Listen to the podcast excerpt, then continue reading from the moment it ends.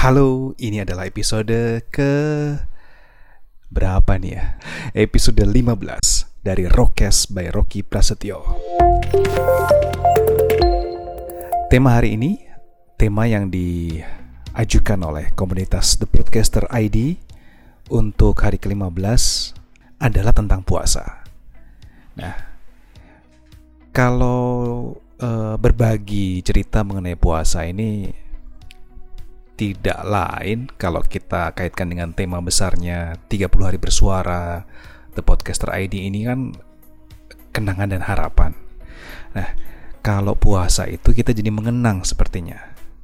Kalau saya yang terkenang adalah jelas ketika bisa dibilang 15 tahun 20 tahun yang lalu ketika masih stay di Jogja, ketika masih sekolah dan masih juga ada almarhumah ibu gitu ya dengan mama saya yang sangat membekas. Iya, rasional saja nih ya. Waduh, kalau berbicara mengenai The Writer's Mind, karya bukunya Jonathan Haidt gitu ya. Uh, karena ibu saya almarhumah ini kan selalu menanamkan proses rasionalisme, apalagi kalau dikaitkan dengan uh, agama begitu ya. Uh, artinya seperti anak-anak itu menemukan moralitas sendiri ke depannya begitu. Ini seperti yang diungkap dalam bukunya Jonathan Haidt, The Writer's Mind. Uh, buku yang sebenarnya sudah diterjemahkan juga oleh KPG baru ya, baru diterjemahkan dengan judul The Writer's Mind: Mengapa Orang-orang Baik Terpecah Karena Politik dan Agama. Dan saya ambil itu di situ bahwa orang tua saya ternyata uh, lebih mengedepankan rasionalitas. Nah, apa kaitannya nih dengan puasa? Ya, ibu saya termasuk orang, beliau menanamkan moralitas, menanamkan nilai spiritual dengan memberikan contoh, dengan memberikan gambaran secara langsung. Misalnya kayak beribadah begitu ya. Bahkan bisa disebut bukan ajakan, tapi contoh. Uh, itulah cara yang saya pikir justru membantu saya lebih cepat meskipun sekarang pun masih menjadi pembelajar mencari kebenaran gitu ya. Uh, mempelajari keyakinan yang sekarang saya anut atau saya yakini sebagai guidance kehidupan saya. Nah termasuk puasa. Puasa ini begitu syahdunya ketika kami jalani bareng gitu tepatnya puasa Ramadan ya. Selama 30 hari berpuasa gitu ya. Moralitas yang dibangun oleh ibu saya adalah uh, buka puasa itu di rumah. Ini sederhana sih. Tapi sampai-sampai saya kalau ditanya gitu ya, disuruh milih.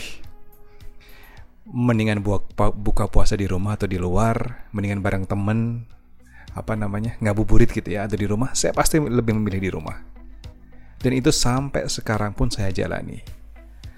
Sampai sekarang pun saya memiliki keluarga kecil pun, saya kalau ditanya lebih milih yang mana ya, lebih memilih buka puasa dengan keluarga kecil saya begitu.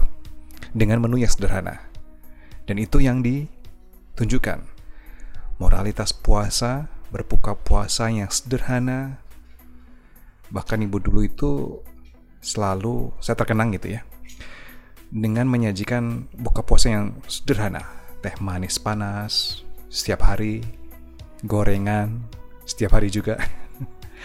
Kemudian ya kalau mungkin minuman pendampingnya seperti stup gitu ya tinggal di rolling saja lah ibu lagi pengen apa gitu lagi pengen stup jambu bikin minuman kolang kaling kolak pun juga tidak hadir setiap hari tapi yang pasti setiap hari adalah teh panas atau teh manis panas dan dari situ pun saya juga terbiasa bahwa makan malam atau makan besar gitu ya. Setelah buka puasa itu kami tidak bahkan jarang melakukannya. Kalau nggak lapar banget gitu kita nggak lakukan. Biasanya langsung justru kayak dirapel pas sahur gitu. Mungkin itu ya kalau diskusi atau bukan diskusi ngobrol mengenang uh, puasa menurut saya gitu. Dan sampai sekarang pun itu adalah momen yang saya tunggu-tunggu selain ibadahnya jelas gitu ya di mana 30 hari kita benar-benar nyatu spiritualitas kita gitu ya tapi ada yang lain yaitu nilai moralitas yang kita bangun bersama keluarga kecil kita. Baik, semoga ngobrol berbagi ngalor ngidolnya tentang puasa ini bermanfaat meskipun kecil, meskipun bentuknya kecil seperti atom. Tetapi terima kasih sudah mendengarkan.